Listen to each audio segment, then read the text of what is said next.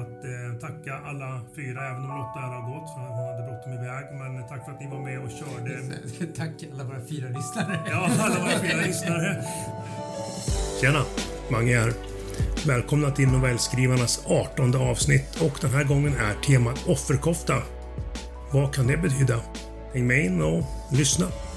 Välkommen! Då så, då sitter vi här i, eh, runt det ovala bordet, eller vad är det för form på det? Ja, vi säger att det är ovalt i alla fall. Och det är dags för novellskrivarnas, eh, vad blir det, 18 avsnitt här nu då. Som faktiskt inte har ett specifikt eh, supertema utan eh, så här i slutet på, på våren så är, har vi mycket att göra. Och därför så är mitt tema den här gången offerkofta eller valfritt snack. Och jag vet ju det i och med att vi har snackat lite här innan att eh, vi har tre stycken offerkofta-texter och en övrigt snack. Så det ska bli eh, eh, superkul att lyssna på offerkoftor för det har vi ju alla på något sätt omkring oss i någon form. Så att eh, först... Paolo Roberto kanske? Ja, Paolo, Runar Sörgård Ja, eh, och, och många sådana här. Många är män tyvärr i den här Mm. offerkofta-grejen. Det var ju inte... Det är ett otroligt centrum kring jaget. Inte, man ser bara sig själv i situationen och jag tycker jag är rätt risigt. Men först ut i den här eh, omgången är ju då Lotta som ska köra sin offerkofta-text. Så att eh, jag lämnar med varm hand över. Varsågod. Ja. Eh, Jag skruvade på mig. Jag mådde lite illa. Jag försökte tugga små bitar av dillköttet och varma med små, små klunkar av vatten. Men det djupa, djupröda vinet lät jag stå orört. Jag skulle definitivt kräkas om jag försökte dricka något av det. Helst ville jag gå till mitt rum och slippa höra min systers flämtande snyftningar. Jag tyckte att hon hade gråtit i en hel evighet och det brusade i öronen som om alla hennes tårar hade bildat ett oändligt hav där inne i huvudet. Krista hade inte sagt ett enda ord när hon först kom inrusande i matrummet. Istället hade hon slängt antagningsbeskedet på bordet i en sådan fart att det farit över till min sida så att jag med nöd och näppe hade lyckats greppa det fladdriga pappret innan det skulle ha singlat ner på golvet. Sen kom hennes ord stötvis. Jag kom inte in! Jag kom inte in! Kristas skrik hade ekat i matrummet och mamma och pappa hade förfärat lagt ner sina bestick. Våra två labradorer hade högljutt börjat skälla eftersom de genast förstod att något var fel. Både Daisy och Stella gjorde vad de kunde för att trösta sin lillmattes snyftningar men inga mjuka nosar i världen verkade hjälpa. Jag måste medge att också jag kände av den bedrövade stämningen och jag fick svälja hårt flera gånger så att inte jag också skulle börja gråta. För en tusendel sekund hade jag först trott att Krista skojade, att hon bara larvade sig och att gråten var någon slags sjuk teater. Även mamma och pappa hade för någon skund, sekund sett tvivlande ut eftersom det var så absolut otänkbart att Krista inte skulle bli antagen till läkarprogrammet. Jag menar, om man har A i alla ämnen när man lämnar gymnasiets naturvetenskapliga program så innebär ju det att ens alla drömmar kommer att gå i uppfyllelse. Ingen hade tvivlat. Inte mina föräldrar, inte jag och inte Krista heller. Jag tror till och med att hundarna var chockade. Jag sneglade mot mitt egna antagningsbesked som låg bredvid pappas tallrik och kände mig för en stund lite rädd. Som om bokstäverna där skulle hoppa ur sin svärta och fara ut mot mig i ett ilsket angrepp. Jag hade nämligen kommit in. Jag hade idag, samma dag som Krista fått sitt avslag, fått mitt positiva besked. Jag var välkommen att börja studera på Karolinska institutets medicinprogram. Min dröm att läkare skulle äntligen infrias. Pappa försökte lugna Krista med att säga att hon stod på reservplats och om hon inte kom in nu så skulle hon säkert komma in nästa termin. Men min systers tårar tog inte slut. Plötsligt kom jag på mig själv att öppna munnen för att säga som det var. Men när pappa frågande tittade på mig så stängde jag den sakta igen och svalde. Nej, tänkte jag. Det jag hade gjort skulle aldrig kunna berättas för någon. Aldrig någonsin. Det fanns vissa gränser som, om de krossades, aldrig kunde förbli okrossade. Den guldmedalj jag nu bar runt min hals var min att bära för evigt, hur tung den än kändes. Jag är två år äldre än min syster. Och mitt tidigaste minne är min släkts förväntan. Och även om jag som liten inte hade orden för att beskriva den känslan, så var läkaryrket inympat i släktens DNA. På pappas sida var jag den fjärde generationen som nu skulle gå i samma skor som de andra förstfödda pojkarna hade gjort. Att jag skulle ifrågasätta detta självklara föll mig aldrig in. Jag var som fisken i nätet när jag och farfar fiskade tillsammans under barndomens somrar. Intrasslad, fångad och utan eget val. Jag har inte haft mycket till tonår. Istället har jag pluggat dag och natt och mina föräldrar har betalat extra pengar så att lärare kommit hem till mig på helger och pluggat extra med mig. Men jag har aldrig varit det akademiska ljus som Krista är. I mitt slutbetyg fanns två B och ett C. Trots att majoriteten av mina betyg således bestod av A så hade pappa blivit så besviken att han ställt in min studentmottagning. Sommaren som följde på studenten hade varit förfärlig. Pappa hade knappt satt ett ord till mig och jag hade valt att flytta ner i källarens gästrum så att jag kunde undkomma de besvikna blickarna. Mitt självförakt var så stort att det många gånger vägde tyngre än min vilja att leva.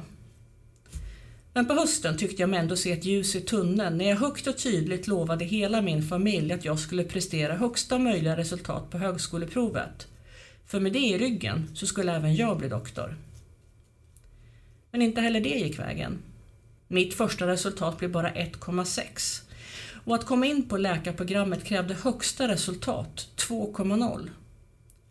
Högst motvilligt hade min pappa accepterat min förklaring att man behöver skriva högskoleprovet minst en gång som testgång eftersom det är svårt att veta hur man ska fördela tiden när man inte har skrivit ett så stort prov tidigare. Pappas muttrande acceptans gav mig sex månaders respit.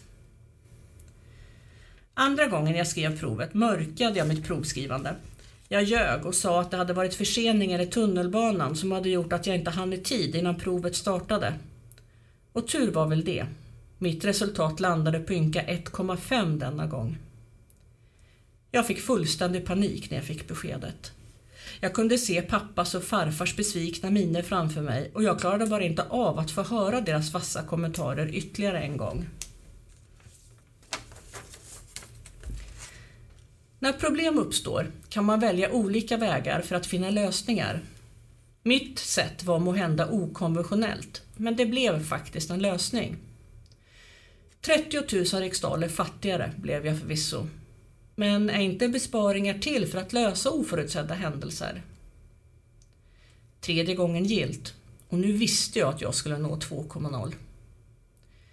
Måhända kan man tycka att det är moraliskt fel att köpa ett högskoleresultat som jag gjorde. Men eftersom jag vet att jag kommer bli en lika duglig doktor som någon annan i slutändan så kan jag faktiskt inte se att min handling är fel. Och handen på hjärtat, är det inte bättre att jag tar mig in på ett program och faktiskt får visa vad jag går för? Jag menar, om jag inte klarar duggorna så kommer jag i alla fall inte att klara studierna och nå en examen. Förresten, alla sätter väl sig själv i främsta rummet? Alla har väl ljugit någon gång? Tänk bara på alla som är otrogna eller skatteplanerar sig in i de brottsliga gråzonerna. Om de kan, varför ska jag inte kunna? Dessutom är det ingen som har gått i mina skor. Skulle samhället verkligen vinna något på att jag bryter ihop och samtidigt skämmer ut släkten? Visserligen skulle någon nu kunna säga att jag genom mitt agerande stjäl min systers plats på läkarprogrammet kommande termin. Men min pappa har faktiskt rätt. Sannolikheten att hon kommer in på reservplats är hög och om det inte blir så till den här terminen så kommer hon att ta sig in en annan termin. Och då är vi ju alla vinnare. Inte sant?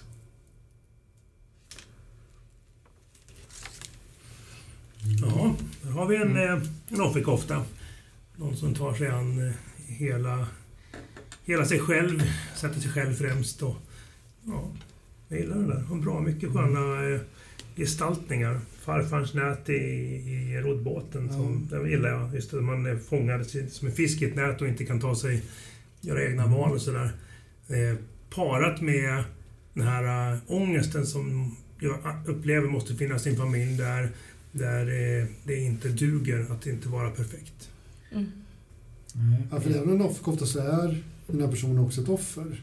Verkligen. Det är inte... Ja, jag tycker synd schysst. om honom. Ingen schysst situation han har satt i. Det kan man inte säga. Nej, märklig familj.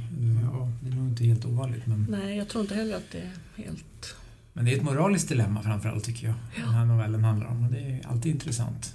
Eh, Man, man kan liksom inte helt och hållet eh, ge henne fel på slutet heller. Fast man tycker, eller i alla fall jag. Fast Mm. eh, Jag tycker att det är omoraliskt men det, det finns ju en viss förståelse för varför hon väljer den där utvägen. Han. Han. det- Han. Ja, Okej. Ja, vi rättar Ja. ja. Eh, Men, eh, ja, nej, och sen tyckte jag faktiskt att ja, ja, men det kan jag väl säga att egentligen så skulle det här ha varit tillhört en av mina dödssynder, högmod. Men då när jag fick höra temat av dig förra veckan eh, så tyckte jag ändå att, ja, men eftersom det också är studenttider och betygen ska sättas och vi är lärare och så här runt bordet så tyckte jag ändå att ja, jag kunde se offerkofta-temat i det här. Ja, det finns ju. Mm. Man utser sig som offer och har det som eh, så att säga, språngbräda för att rättfärdiga de beslut man tar som faktiskt är moraliskt fel. Samtidigt så är det ju en situation där alternativen inte finns. Lyckas, på vilka sätt du vill, men lyckas. Eh, Just att det, det finns liksom det här att eh, ibland så var självföraktet och, och sorgen i att inte leva upp till min familjs eh, krav större än viljan att leva liksom. Det är ju, eh, där i också ligger det ju, eh, jag rättfärdigar det här genom det är ju- att måla upp mig som offret. Och det är det typiska offerkofta, att man rättfärdigar i princip vad som helst med Mm. Den här personen skulle kunna gå en annan utbildning och få ett gott liv. Och, alltså, men just, ja. Det är väl som Paolo Roberto, han har ju ett hål i sig själv som han måste fylla så därför Mm. gjorde han ju den här handlingen. Alltså han tar ju på sig ofterkoftan i det sammanhanget för att han tycker ju lite synd om sig själv, att han måste hela sig själv. Men han gör ju det på bekostnad av någon annan. Ja, och det är det som det man tar upp här också. Det är lite Eh, så min tanke, att han kanske faktiskt snor sin systers plats. Men, Ja. ja. Mm. Eh, en familj som pressar honom till Ja. det ändå. men som sagt var, jag tycker om, om man ska titta lite grann på själva novellen, alltså själva hantverket, eh, så tycker jag liksom att den här är... Eh, det är en sån otroligt liten... Det här är liksom en, en kan man nästan kalla det för en, en kort tanke hos den här individen. Det är en väldigt liten romantid om man får kalla det för det. Den utspelar sig i en tanke nästan bara. Det kan ju vara eh, fyra minuter på en buss där tanken går, går loss. Liksom. Den är väldigt komprimerad. Det är en känsla man får ta del av på något vis. Eh, med liksom rappt eh, och bra avvägningar mellan karaktärernas, eller personernas plats. Visst, vi får veta att det finns en familj. Eh, lite sådär, man vet, och då vet ju jag, jag tänker liksom Fanny Alexanderstuk, väldigt strängt och sådär otäckt. Eh, och en, en demon till, till fadersfigur. Eh, som eh, ja, kan bli föremål för någon typ av eh, mordgåta senare i livet när någon av de här som de knäcker dödar gubben. För att det räcker liksom. Det är den typen av drama man kan se på i vissa typ Murder She Wrote och liknande. Att någon har ruttnat på en, en demon till förälder och så vidare. Eh, Fast jag tycker du sätter huvudet på spiken just där. Alltså just när du säger, för att egentligen så är det här det är ju många ord, men egentligen så är ju det här en sekundupplevelse när de sitter vid matbordet. När hans syster kommer inspringande och slänger det här. Eh, och hon säger jag kommer inte in.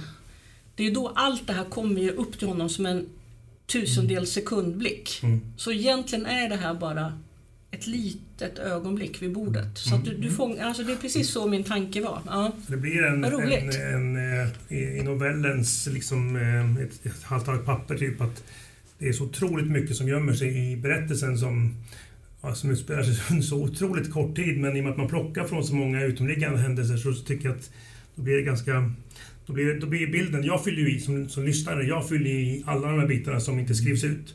Eh, pappan, jag känner ju folk som har kanske den här typen av konstellation i sina familjer och så vidare.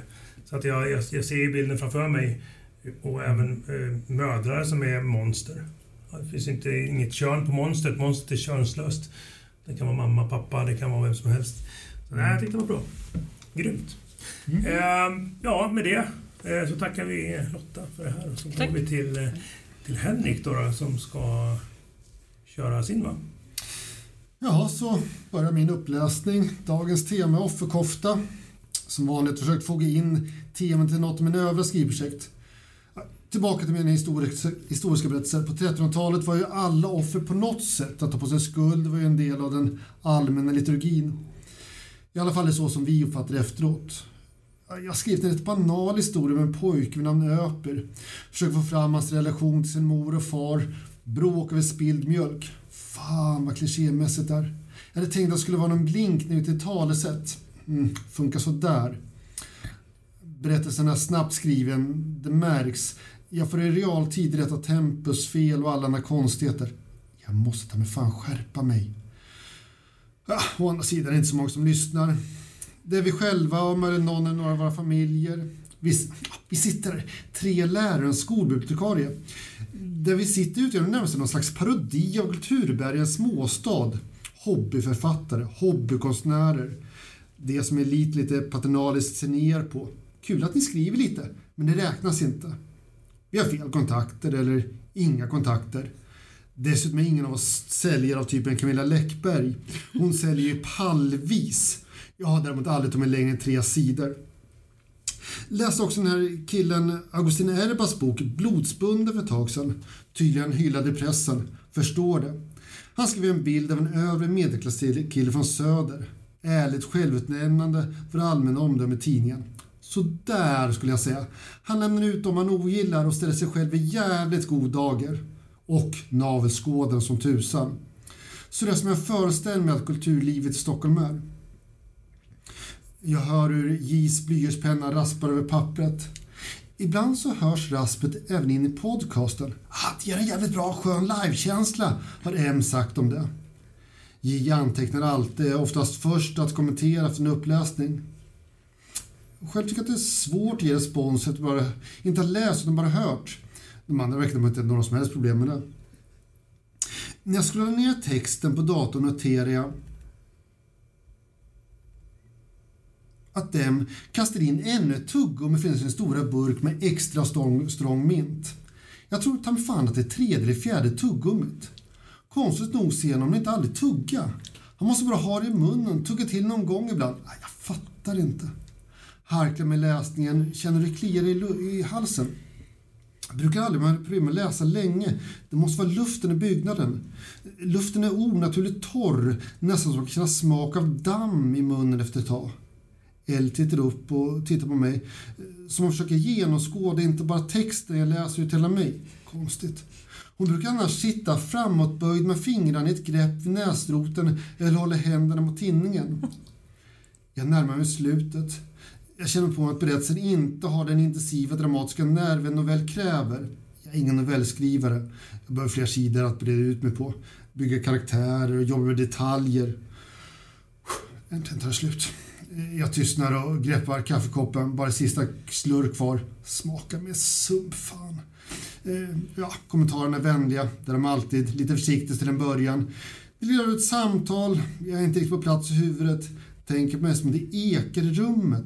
Jag hatar när det ekar i rum när man pratar. Det spelar ingen roll, jag kan inte koncentrera mig om, något, om ljudet studsar illa.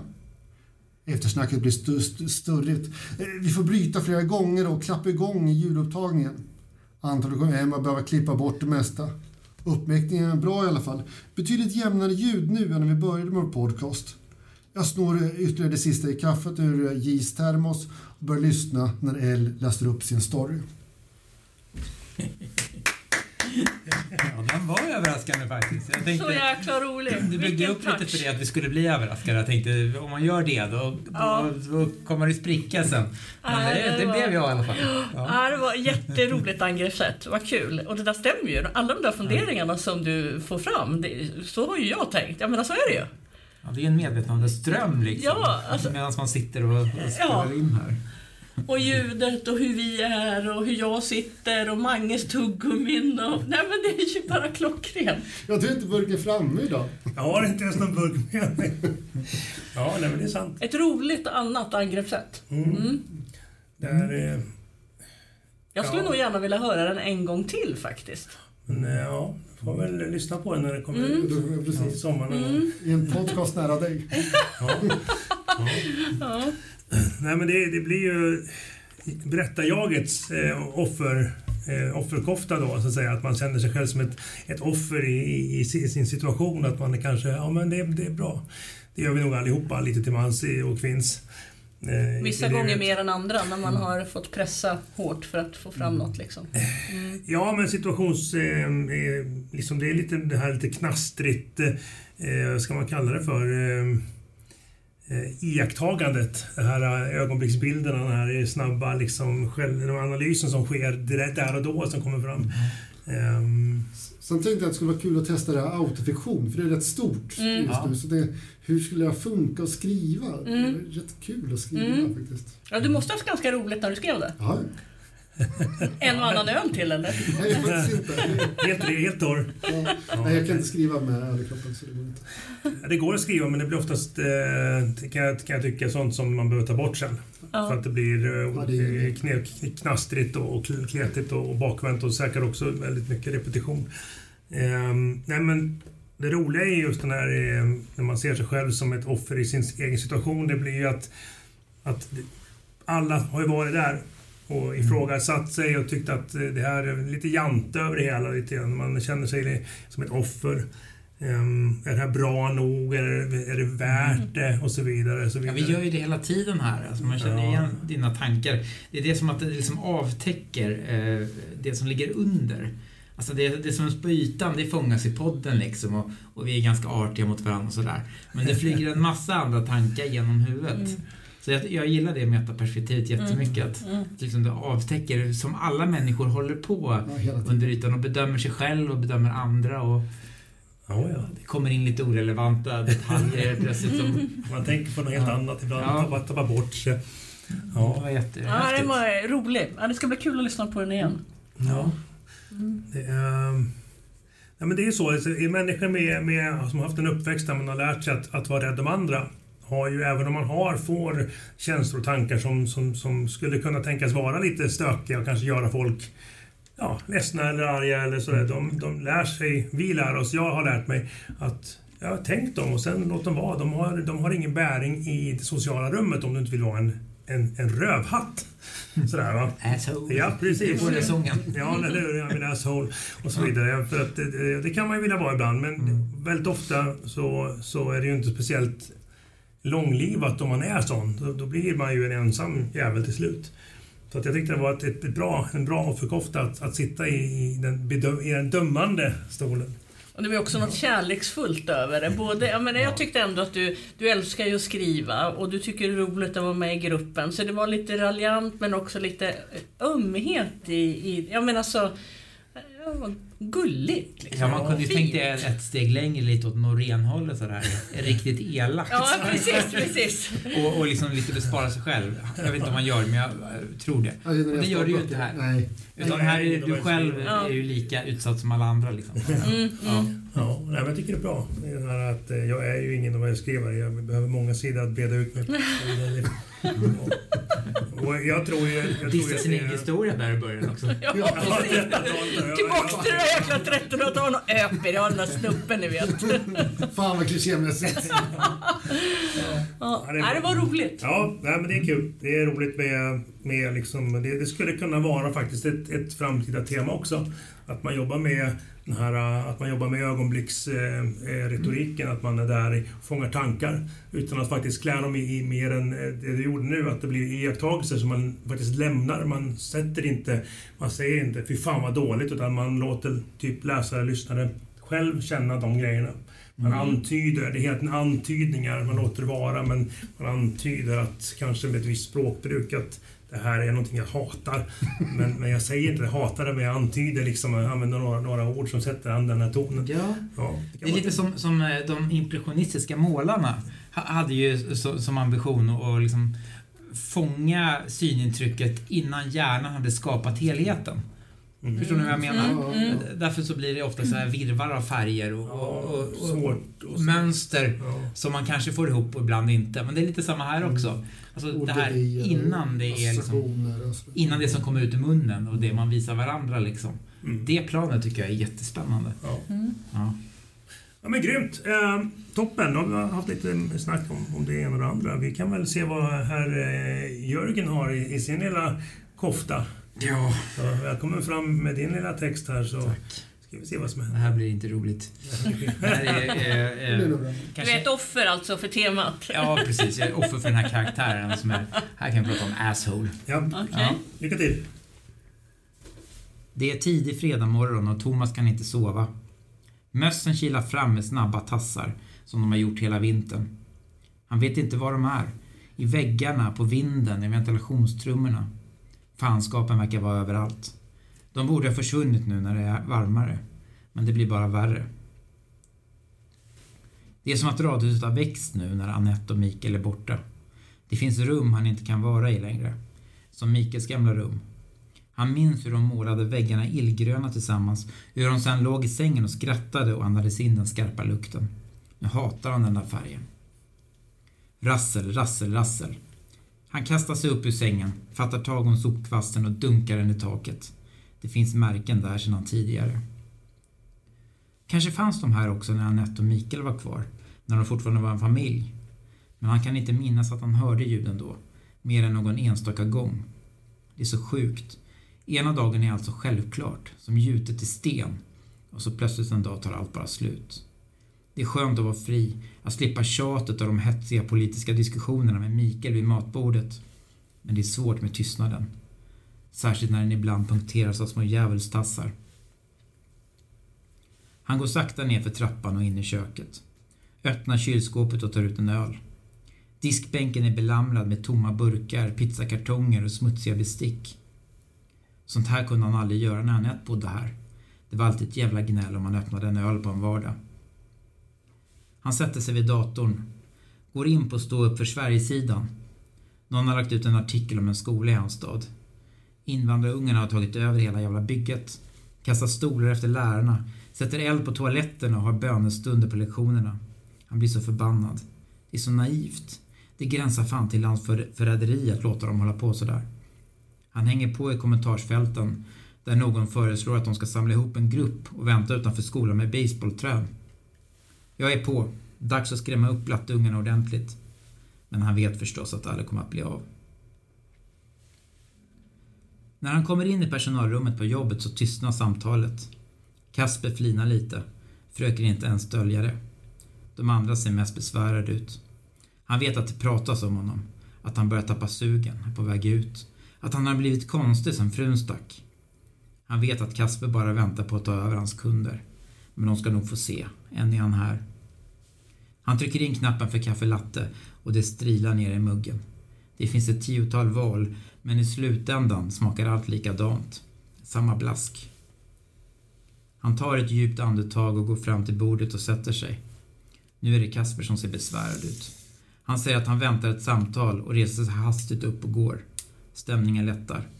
Han känner de här gubbarna. Flera av dem har varit här lika länge som han. Han sitter tyst, blandar sig inte i samtalet. Deras röster blir avlägsna, som att han befinner sig under vatten. Han ser hur deras munnar rör sig som i en stumfilm. Rassel, rassel, rassel. Musjävlar, säger han högt och allas blickar vänds mot honom. Det är sen kväll i hamnen. På vägen hit var han nära att köra in i en annan bil vid ett stoppljus. Vet att han inte borde köra med öl i kroppen.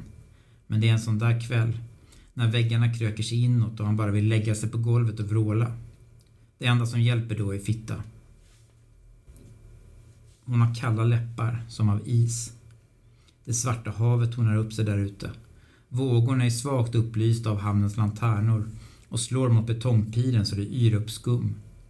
Han sitter i en obekväm ställning i baksätet av bilen. Hennes långa mörka hår mot hans ljusblå skjorta. Han skulle kunna sträcka ut handen och stryka det där håret. Den är helt livlös, ett slappt stycke kött. Allting är fel. Han känner för att vräka undan hennes huvud, kasta henne ur bilen och köra över kanten och ner i det svarta, skoningslösa vattnet. Ölen har slutat verka, han är spiknykter. Det är nästan det värsta. Den glasklara blicken. Han ser sig själv utifrån och det är olidligt. Då ser han mössen. Eller är det kanske råttor? De springer där över betongen. Tusentals, som en grå massa. Han blir inte ens förvånad. De kastar sig ut i vattnet och slukas av de svarta vågorna. Ska hon inte sluta snart? Märker hon inte. Lyktorna från en annan bil sveper snabbt över dem och han rycker till. Hon avbryter äntligen, torkar av munnen med handen. De ser inte på varandra. Du måste betala ändå, säger hon bara. Och rösten är lika avlägsen och iskall som läpparna. Han drar fram sedlarna ur plånboken. Har något på tungan. Kanske förlåt, kanske vad skulle din pappa säga, kanske dra åt helvete din jävla hora. Men hon rycker bara åt sig pengarna, sliter upp bildörren och slår igen den med en smäll. Sedan är han ensam med de svarta vågorna och råttorna.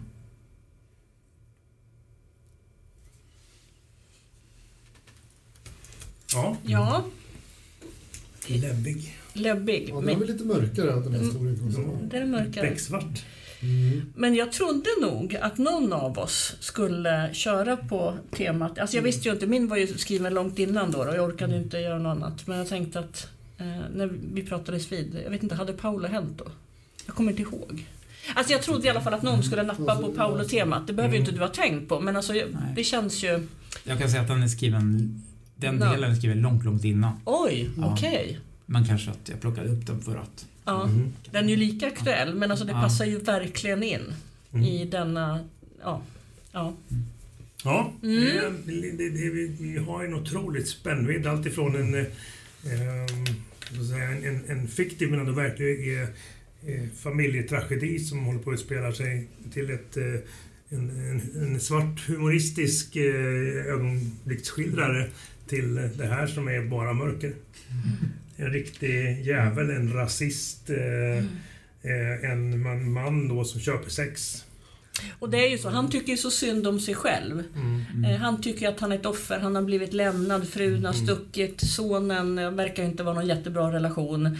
Och de på jobbet, Mm. det verkar inte vara så kul där heller. Och sen så är han då förbannad och cynisk och det går ut över de nya svenskarna. Och sen, Mm. ja det är så jävla synd om mig, jag har sån ångest och det enda som hjälper det är fitta liksom. Mm. Oj vad det är synd om mig. Mm. Eh, Alltså det är klassiskt. Det, är- det är man, ja. Ja. Men han ser ju inte alls sig själv som förövare.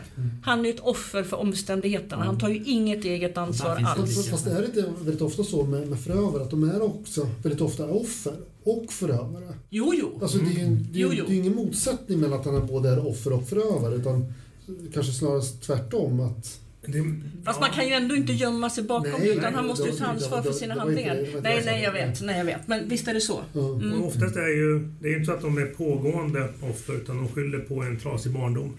Eller liknande. Det är den typen som jag oftast, oftast eh, upplever, eller får till mig sådana historier, att jag gör för att jag blev utsatt. Fast här känns det som att det är ett pågående övergrepp som han upplever att han själv är utsatt för. Alltså ett havererat, det pågår ju ett havererat äktenskap, en långtråkig jobbsituation eller vad det nu är. Det är ett pågående övergrepp. Och Livet är ett pågående Jo, övergrepp. precis. Ja, ja precis. Det är en sån sorts offerkofta. Ja, det är ja. livet som är... Ja.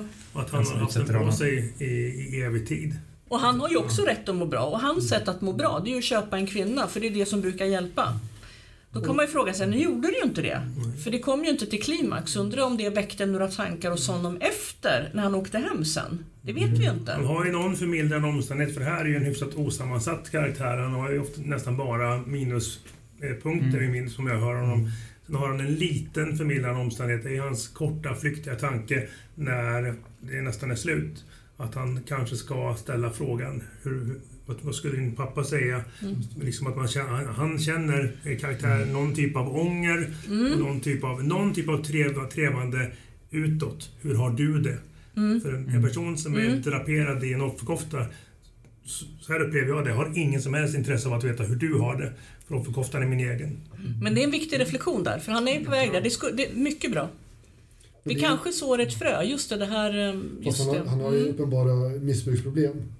Ingen människa Nej. som inte har missbruksproblem kör bil med alkohol i kroppen. Det är så här, Mm. då är det ett missbruk. För normala Mm. människor tar pilsner, nej, då låter man bilen stå. Ja. Men när man alkis, då måste man alltid låta bilen stå. Mm. Då kommer man inte köra bil.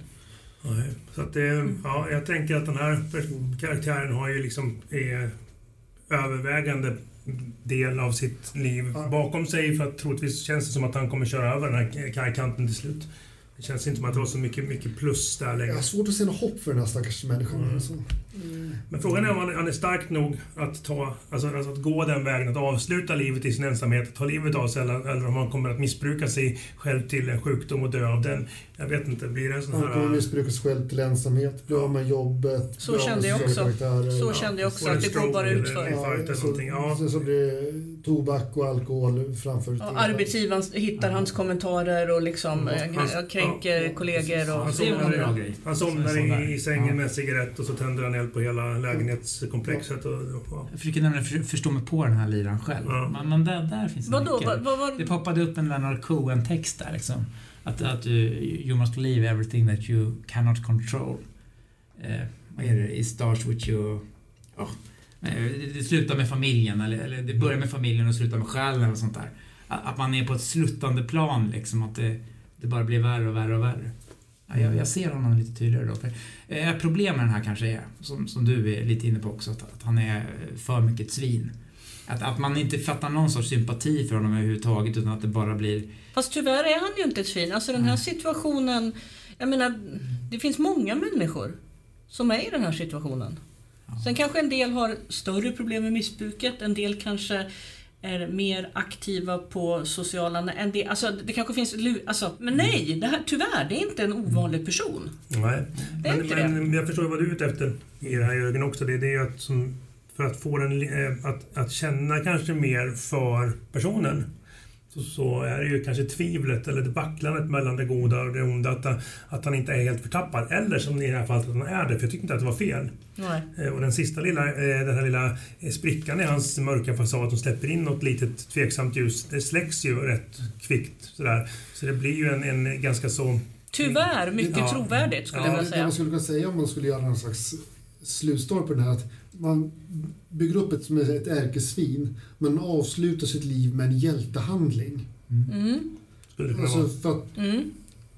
Men blir det Mm. troligt då? Jag menar, förstår ni att om han då skulle skjutsa iväg henne till något hem för utsatta kvinnor, blir men- det troligt? det är inte så- men alltså, alltså, han, han har ingenting att leva för längre.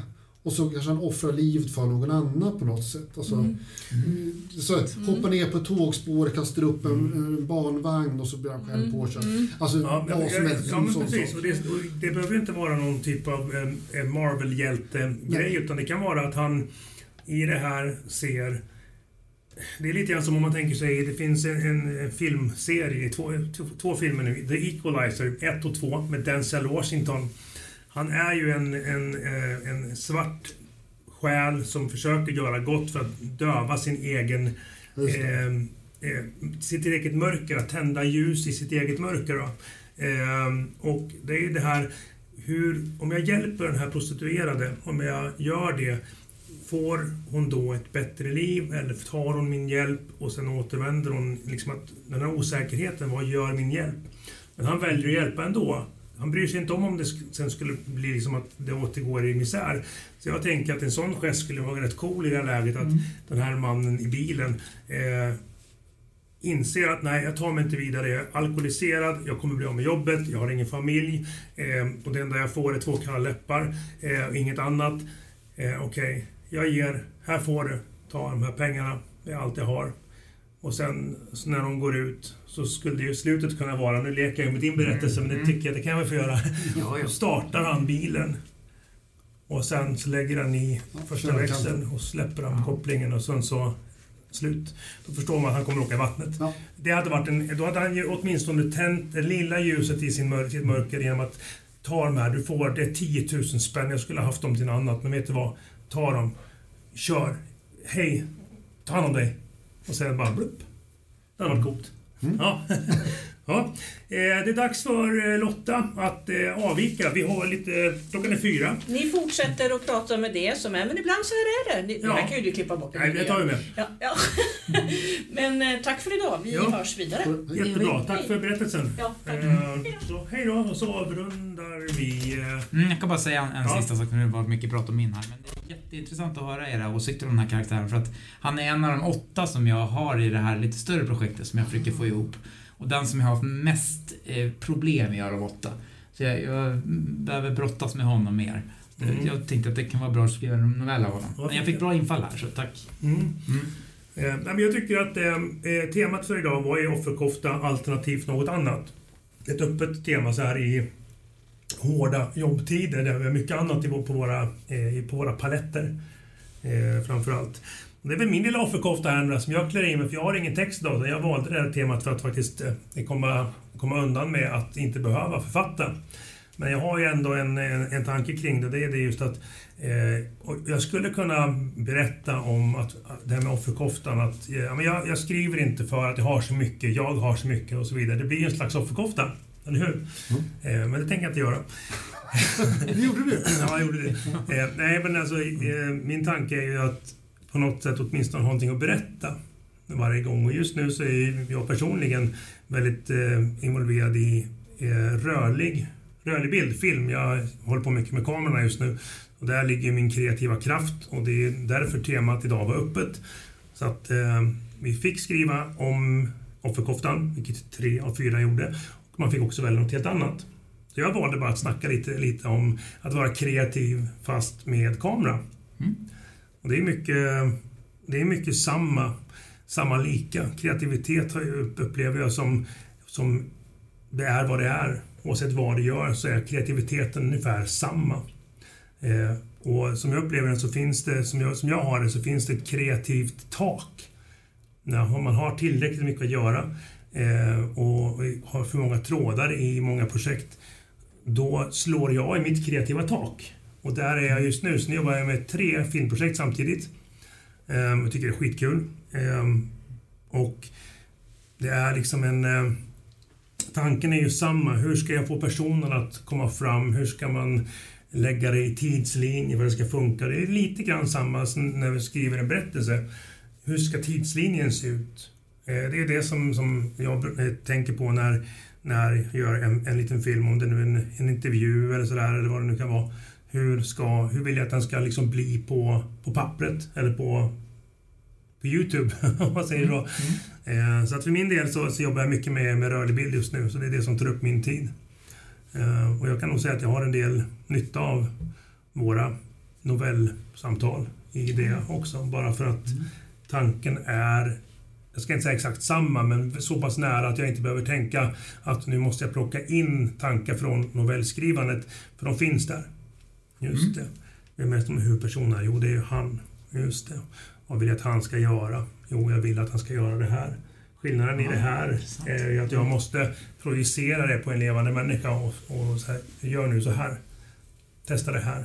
Så det blir på något sätt eh, Ja, om man ska ha en person som gör en rundvandring i en skolbyggnad till exempel, om man tar det som ett mm. exempel. Då handlar det om att tänka ut hur ska storyn gå? Och sen också ta den här personen igenom de här sakerna. Så jag tycker det är bra, en bra koppling till det. Så jag, sär, jag särställer inte det, jag kopplar ihop det, det är berättelser. Ja, jag tänkte det här eh, kreativt tak eller tid. Eh, jag kan känna igen det där du pratar om tror jag.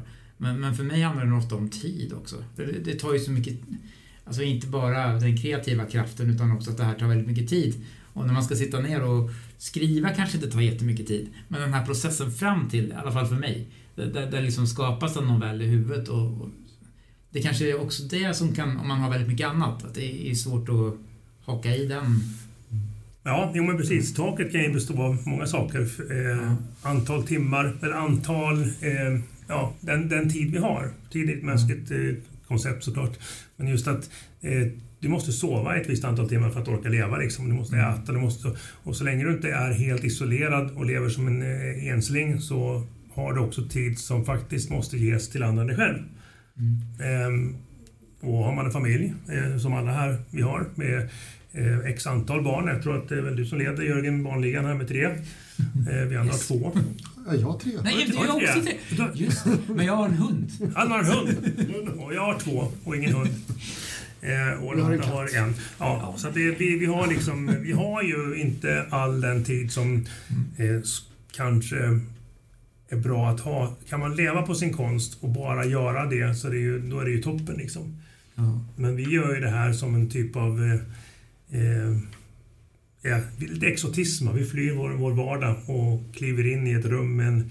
med en mikrofon och det är lite sådär. Vi, vi, vi, skapar en viss spänning i, i ett annars ganska strömlinjeformat liv. Vi, våra veckor ser ganska likadana ut från måndag till söndag, måndag till söndag, måndag till söndag. Mm. Men varannan vecka så då är vi här på olika sätt. är det ju. Eh, Men det är också intressant när du, eh, att det här filmprojekt, eller att man kan lyfta in det här sättet att berätta en historia som man gör när man skriver i, i nästan allting egentligen. Mm. Också alltså, sådana saker på jobbet som är mer, som man står inför en klass Mm. känner jag ibland. Man ska bokprata eller vad det nu är och kanske ännu mer för er som står för klasser hela tiden. Men det kan man ju också lägga upp som en berättelse egentligen.